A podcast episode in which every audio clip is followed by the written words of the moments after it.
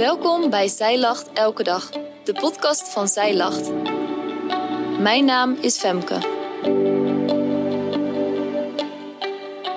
Dit is de overdenking van 20 november, geschreven door schrijfster Tamara Bal.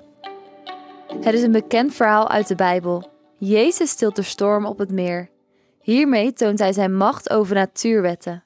En er zijn vele getuigen. Alle scheepjes op het water zien het wonder. De wind is stil, Jezus bedaart de golf en de zee wordt weer kalm. De boot van Jezus en de discipelen bevindt zich weer in rustig vaarwater. Maar alle andere scheepjes op het meer ervaren dit ook. Zie jij de kracht van Jezus met eigen ogen, of vaar jij een stukje verder op het meer?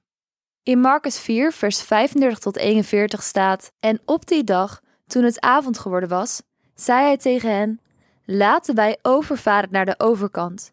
Zij lieten de menigte achter en namen hem, die na al in het schip was, mee. En er waren nog andere scheepjes bij hem. En er stak een harde stormwind op, en de golven sloegen over in het schip, zodat het al vol liep. Hij lag in het achterschip te slapen, op een hoofdkussen, en zij wekte hem en zeiden tegen hem: Meester, bekommert u zich er niet om dat wij vergaan? En hij, wakker geworden, bestrafte de wind en zei tegen de zee: Zwijg, wees stil. En de wind ging liggen, en er kwam een grote stilte. Hij zei tegen hen: Waarom bent u zo angstig? Hebt u dan geen geloof? En zij vreesden met grote vrees en zeiden tegen elkaar: Wie is deze toch, dat zelfs de wind en de zee hem gehoorzaam zijn? Op deze avond varen er allerlei scheepjes op het meer van Galilea als er plotseling een storm opsteekt. Het meer ligt 212 meter onder de zeespiegel, waardoor er hevige valwinden kunnen ontstaan. Dit gebeurde dus wel vaker op dit meer en vooral s'nachts. De discipelen zullen dit ongetwijfeld ook vaker hebben meegemaakt. In het bovenstaande Bijbelgedeelte lezen we hoe ze eraan toegaat in het schip waar de discipelen met Jezus invaren.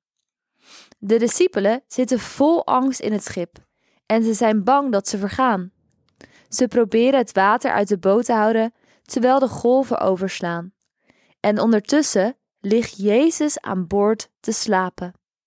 Ze hebben Jezus, de Zoon van God, aan boord en toch zijn ze bang om te vergaan. Hun angst om te vergaan is groter dan het vertrouwen op God. En pijnlijk genoeg denk ik dat zoveel vrouwen zich hierin herkennen. We worden overweldigd door de omstandigheden. We maken ons snel zorgen over de dag van morgen, vragen ons af hoe het verder moet en soms zien we geen uitweg. Maar met Jezus aan boord kunnen we alles aan. Als de discipelen hem wakker maken, bestraft hij de wind. De golven bedaren en de zee is weer kalm. Wat een wonder! Marcus schrijft in het Bijbelgedeelte dat er nog andere scheepjes bij waren. We weten niet wie er op deze schepen zaten en waar zij precies naartoe gingen. Maar deze scheepjes zullen ongetwijfeld ook in de storm terecht zijn gekomen.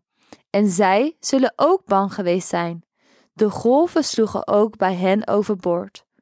Als Jezus de storm stilt, kalmeren de golven en de zee wordt weer rustig. Probeer jezelf eens in te leven in de mensen op de andere bootjes. Ze hebben niks meegekregen van de angst van de discipelen. Ze hebben Jezus niet aan boord en weten niet dat Jezus was die ervoor zorgde dat de storm stilde. Maar zij zien het resultaat. De zee is weer kalm. Ook zij zien de kracht van Jezus over de natuur en zijn toeschouwers van het wonder dat hier plaatsvindt. Als jij Jezus aan boord hebt en het werkt in je leven, heeft dat invloed op anderen. Anderen zullen het resultaat zien van wat Jezus jou leert. Je mag een voorbeeld zijn voor anderen en hen inspireren. Maar misschien ervaar je Jezus helemaal niet alsof hij bij jou aan boord is. Misschien lijkt het of God ver weg is in jouw omstandigheden. Als je in die boot zit, laat dit verhaal dan je dan bemoedigen. Jezus' kracht en werking is niet beperkt tot één schip.